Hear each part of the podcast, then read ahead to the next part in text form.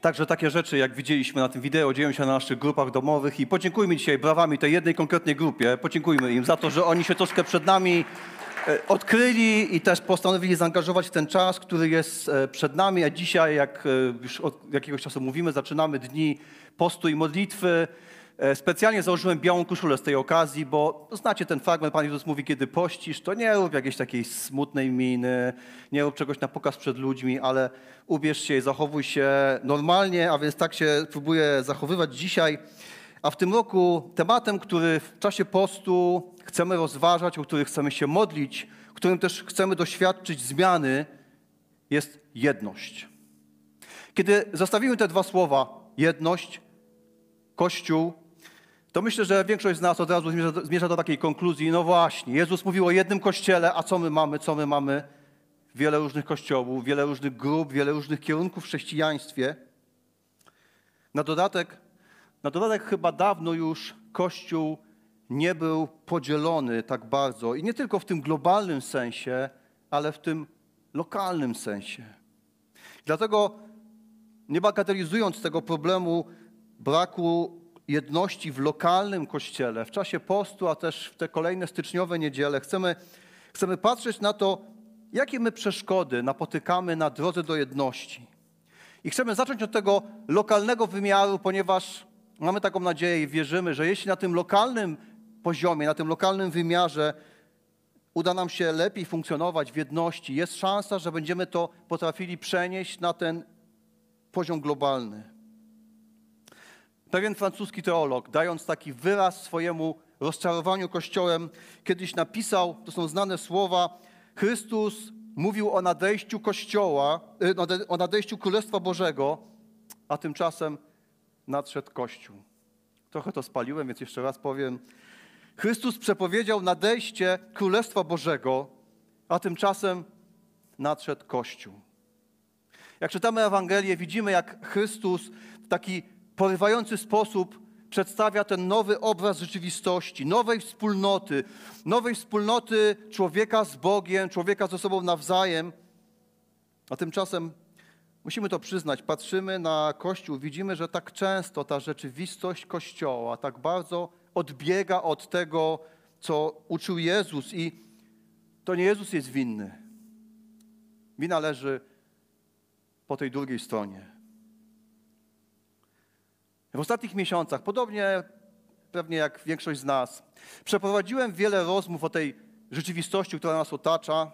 I wielokrotnie słyszałem takie stwierdzenie, które brzmiało, że ponieważ nasze polskie społeczeństwo jest tak bardzo podzielone z powodu polityki, pandemii, problemów uchodźców, praw obywatelskich, sytuacji ekonomicznej, że to jest naturalną konsekwencją, że te podziały, które są w społeczeństwie, one gdzieś przedostają się do kościoła, to jest naturalne, bo kościół odzwierciedla to, co się dzieje w społeczeństwie. Ja rozumiem, jak to działa, ale muszę Wam powiedzieć, że się kompletnie z tym nie zgadzam. Nie zgadzam się z tym sposobem myślenia, że to jest naturalne. Nie zgadzam się, ponieważ to nie jest naturalne. Naturalne jest to, że w swojej naturze, że w swoim sposobie funkcjonowania, że w swoich relacjach Kościół się różni od świata. Naturalne jest to, że Kościół nie odzwierciedla tego, co się dzieje w społeczeństwie, nie ulega wpływom postaw i nastrojów, ale Kościół jest zawsze alternatywą dla tego, co jest wokół. Nie zgadzam się z takim podejściem, ponieważ Biblia i zawarte w niej słowo zobowiązuje nas do innego stylu życia. I Biblia nam nigdy nie pozostawia złudzeń, że każde pokolenie w kościele musi się mierzyć z tematem podziałów, które stają na drodze do jedności. I to nie jest tak, że jedynie pewne wspólnoty się z tym zmagają. Każda wspólnota styka się z niebezpieczeństwem podziałów. Pytanie tylko, jak sobie z tym poradzimy, jak na to wszystko wspólnie odpowiemy. Kiedy czytamy pierwszy list do Koryntian, przenosimy się do innych czasów, do innej kultury, a jednak dostrzegamy, że nasz współczesny Kościół pod pewnymi aspektami przypomina ten Kościół w Koryncie. Apostoł Paweł, który jest autorem tego listu, jest zaniepokojony tym, że w kościele powstają pewne frakcje, pewne grupy i widzi, że to zmierza w stronę podziału. I dlatego podejmuje ten temat już w pierwszym rozdziale swojego, myśl, swojego listu, rozpoczynając od takiego potężnego apelu o jedność. Posłuchajmy tych słów. A teraz wzywam Was, bracia, przez wzgląd na imię naszego Pana Jezusa Chrystusa, bądźcie jednomyślni.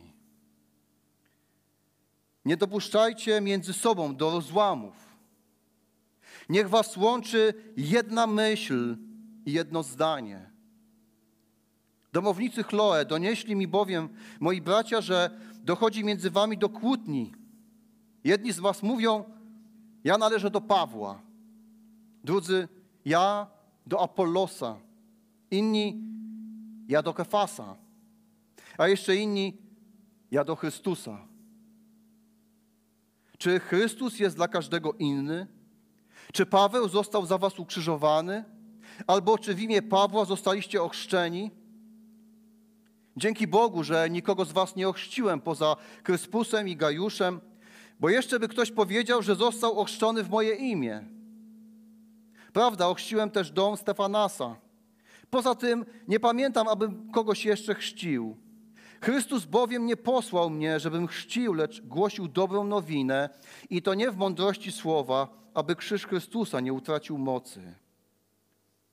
Jedność Kościoła jest tak kluczowa, dlatego Paweł jakby umieszcza ją na pierwszym miejscu problemów, którymi się jakby musi zmierzyć w tym Kościele. A ten Kościół ma sporo problemów. I podejmując ten problem jedności, Paweł zaczyna od pokazania, przypomnienia Koryntianom, Jaka jest podstawa i natura jedności Kościoła? Mówi to poprzez te proste słowa: Wzywam Was, bracia, przez wzgląd na imię naszego Pana Jezusa Chrystusa. Przez wzgląd, z powodu Chrystusa. Bo nie ma poza Jezusem innej osoby, wystarczająco wielkiej, szlachetnej, potężnej, pięknej, dobrej, która byłaby w stanie zebrać i zjednoczyć na zawsze tak bardzo różniących się ludzi, różniących się w swoich poglądach, potrzebach, pochodzeniu, wykształceniu czy statusie społecznym.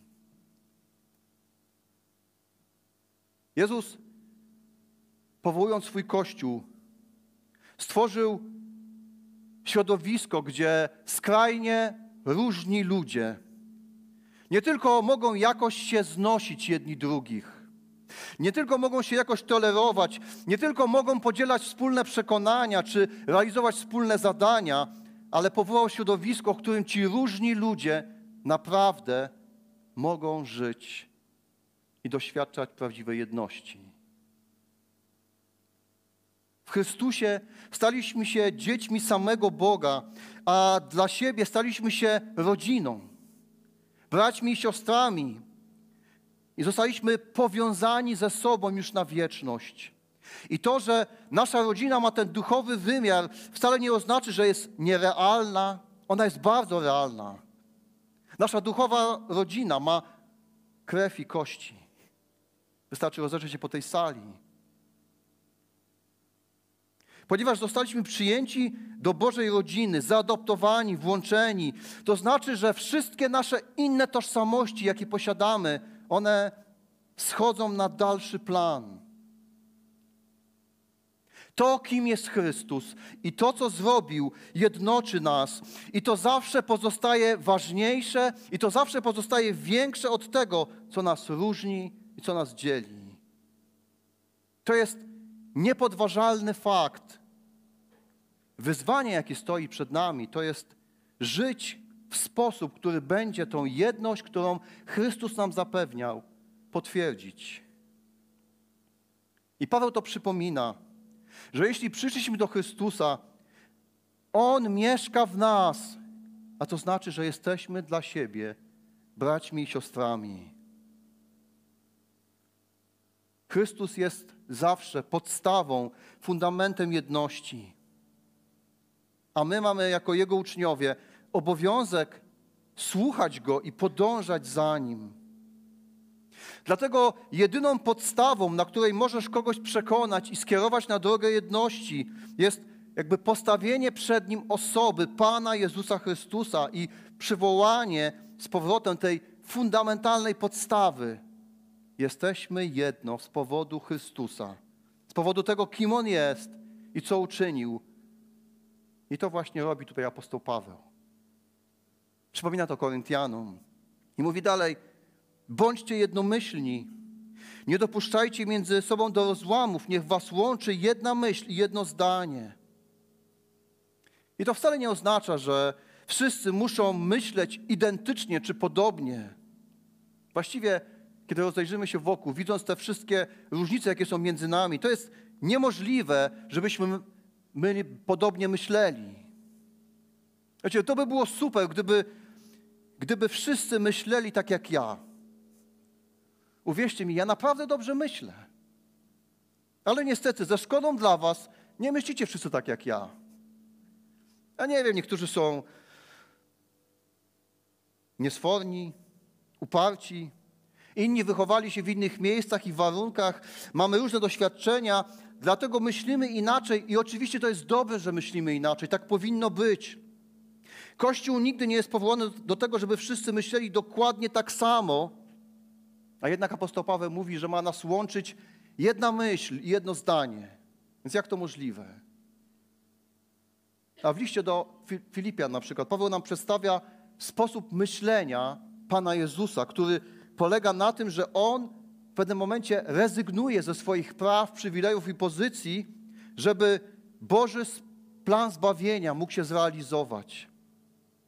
I o takim sposobie myślenia mówi apostoł Paweł, kiedy wszyscy w Kościele stawiają sprawę Chrystusa na pierwszym miejscu i są gotowi na poniesienie jakichś kosztów, na rezygnację, aby chwała i cześć Chrystusa była jeszcze większa, jeszcze bardziej znana.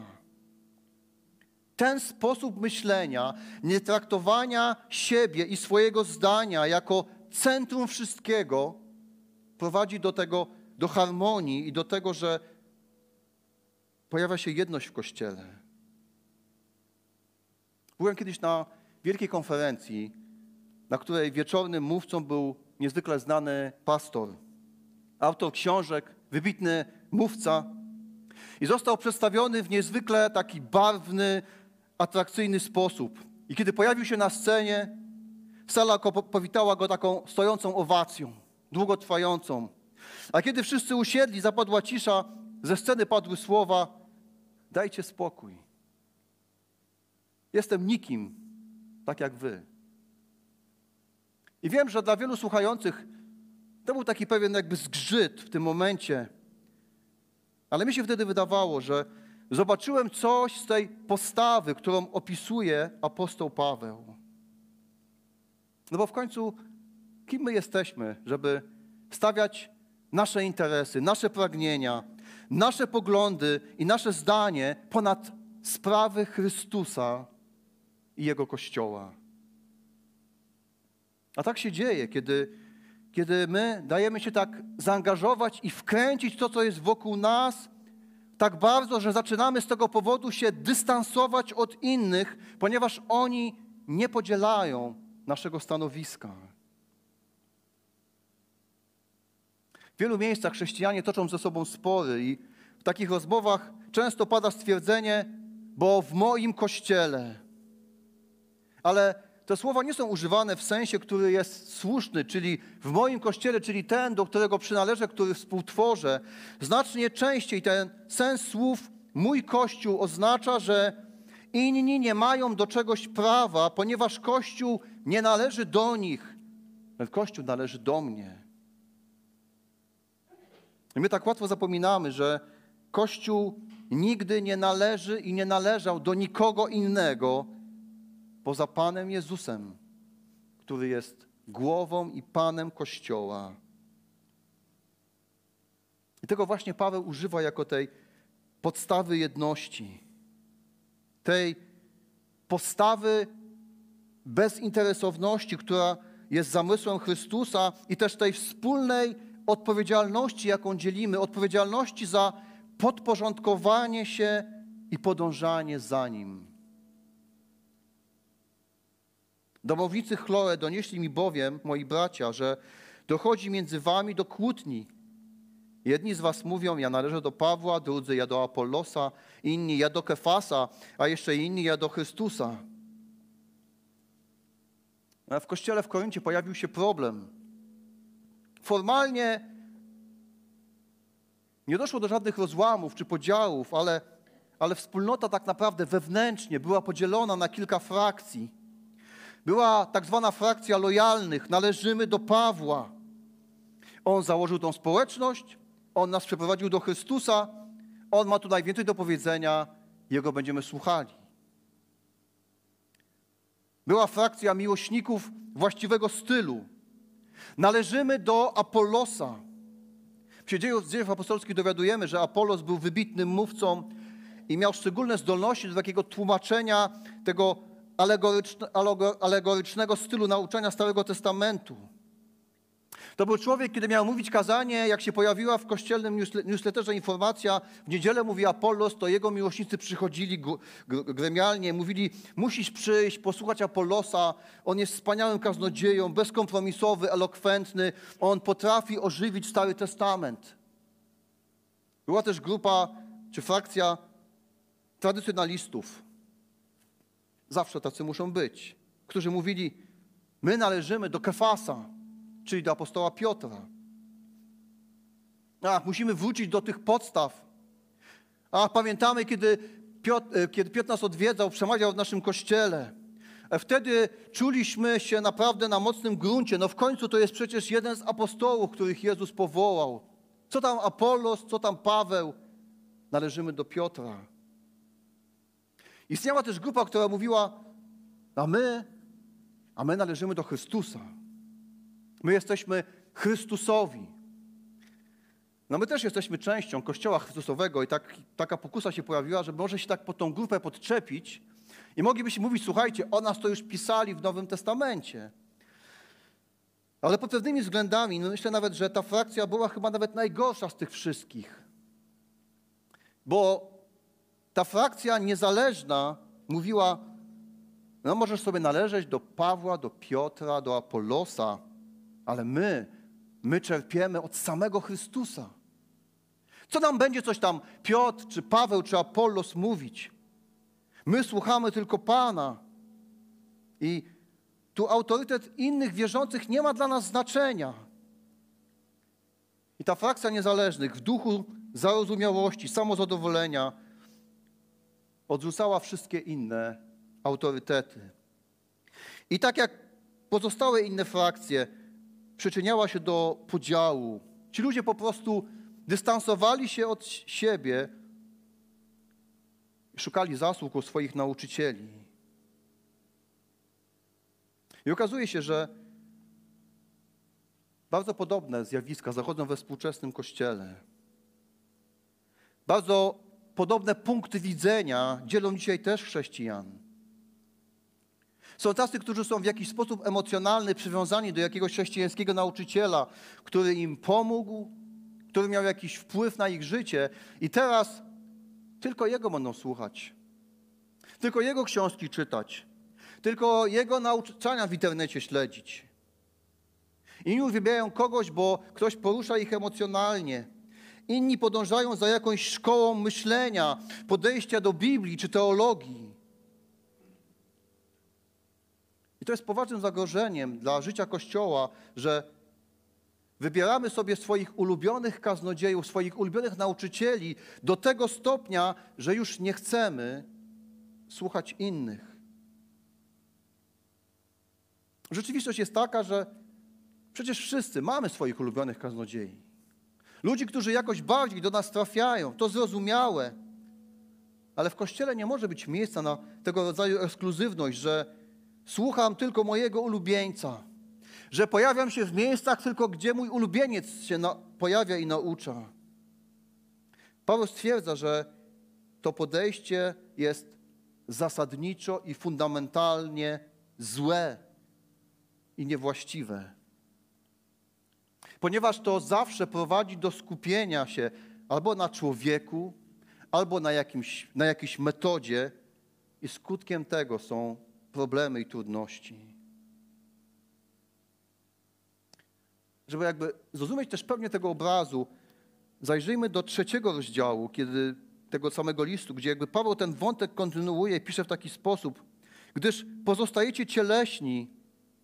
Cóż, skoro wśród was jest zazdrość, dochodzi do kłótni, to czy nie jesteście cieleśni, nie postępujecie po ludzku?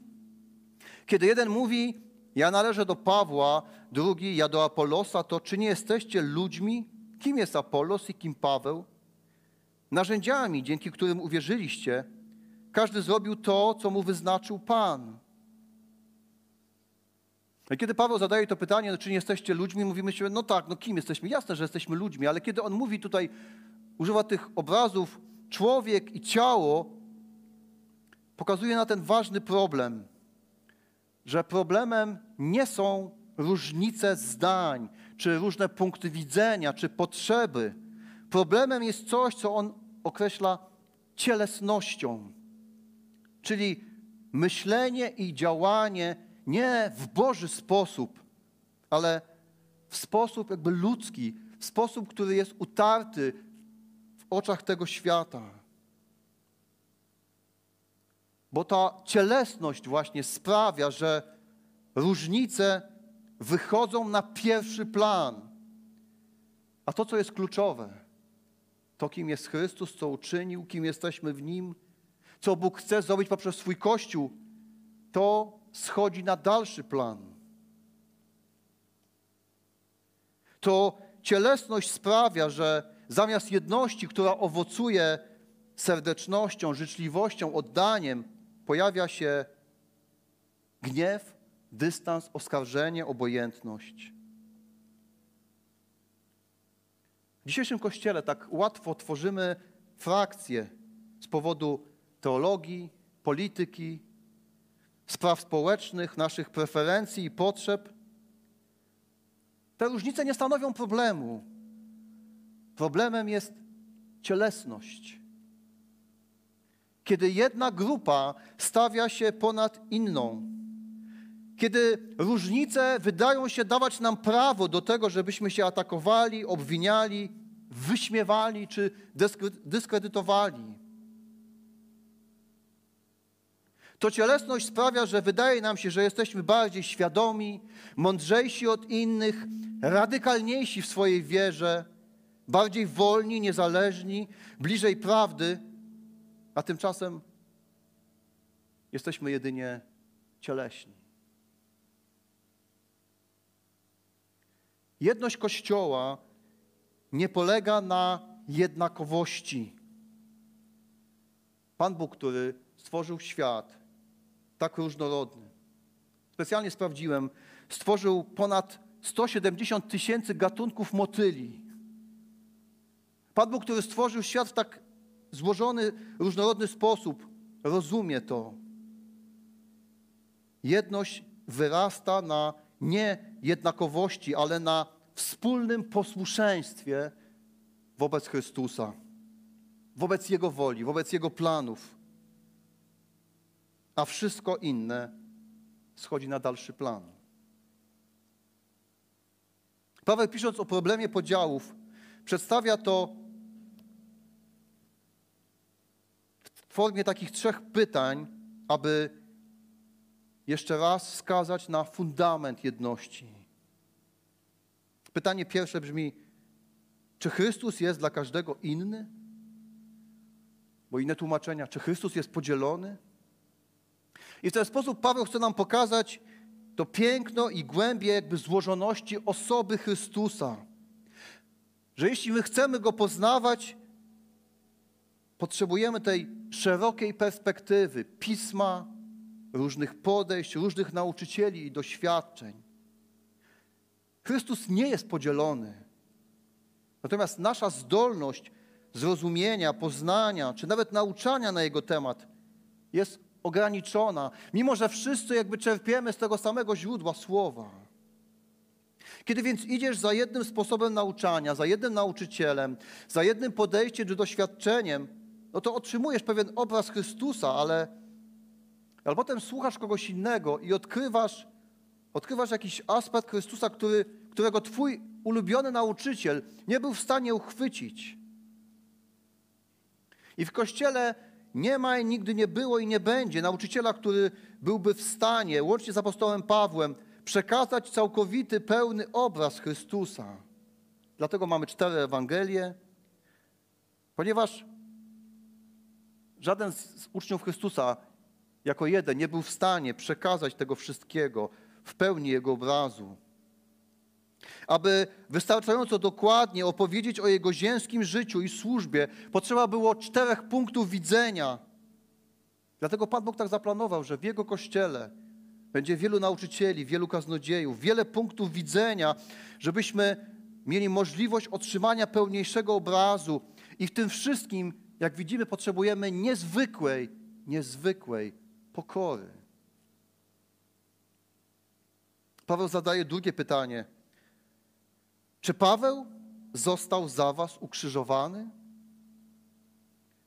W ten sposób zwraca uwagę na tą naszą tendencję do przeceniania ludzkiego przywództwa.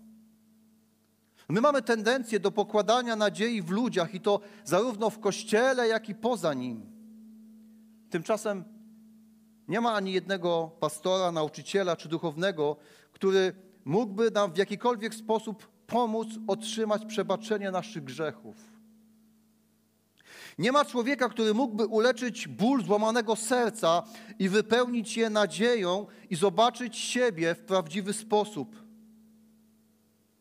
To nie politycy, to nie naukowcy, to nie artyści, to nie przedsiębiorcy sprawiają, że żyjemy naprawdę wolni czy bez poczucia strachu. Żaden człowiek nie jest zbawicielem. Żaden człowiek nie jest odpowiedzią na nasze najgłębsze potrzeby, z wyjątkiem osoby Jezusa.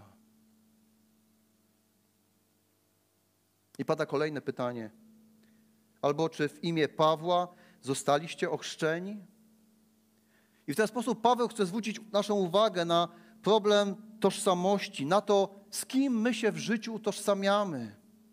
Chrzest jest utożsamieniem się z Chrystusem, a Koryntianie jakby przepychali się między sobą, chwaląc, kto ich ochrzcił. No, mnie ochrzcił Paweł, a mnie ochrzcił Apollos. A inni mówili, to jeszcze nic. Mnie ochrzcił sam Piotr, jeden z apostołów, ten, który chodził przez chwilę po wodzie. I to dawało im jakieś poczucie wyjątkowości i przeleżności, jak stawało się ich tożsamością. Okazuje się, że zbyt często jako uczniowie Chrystusa, zamiast czerpać tożsamość z Niego, szukamy i czerpiemy ją z tego, co robimy, z tego, co dzieje się wokół, z tego, co myślimy, czy z tego, w co się angażujemy.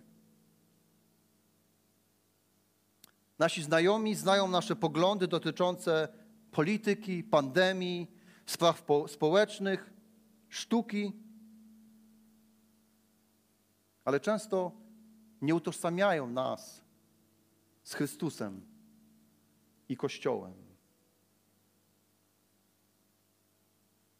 Czy to znaczy, że mam się od wszystkiego odciąć, nie mieć swojego zdania, poglądów, nie wypowiadać się, nie angażować, nie dyskutować? Oczywiście, że mamy, że nawet powinniśmy, ale jakkolwiek ważnym to ci się wszystko wydaje, nie pozwól, żeby to się stało ważniejsze od Twojej tożsamości w Chrystusie, od Twojego posłuszeństwa Chrystusowi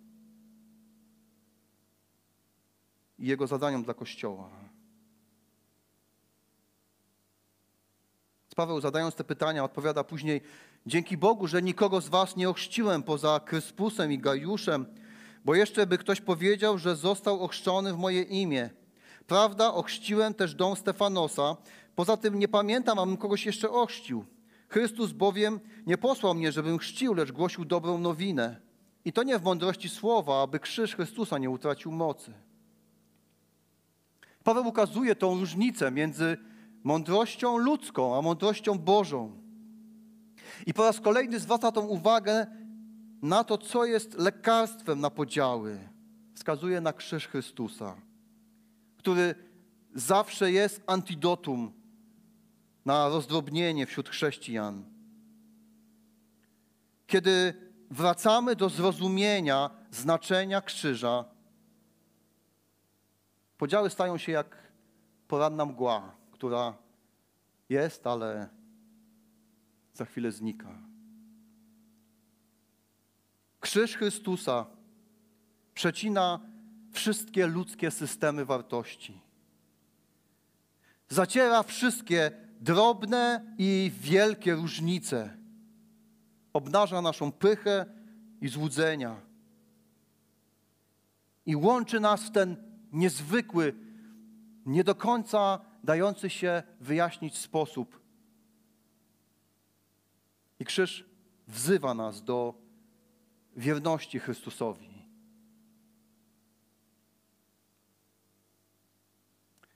Niech ten czas postu i modlitwy, który zaczynamy dzisiaj, będzie właśnie tym czasem powrotu do Chrystusa.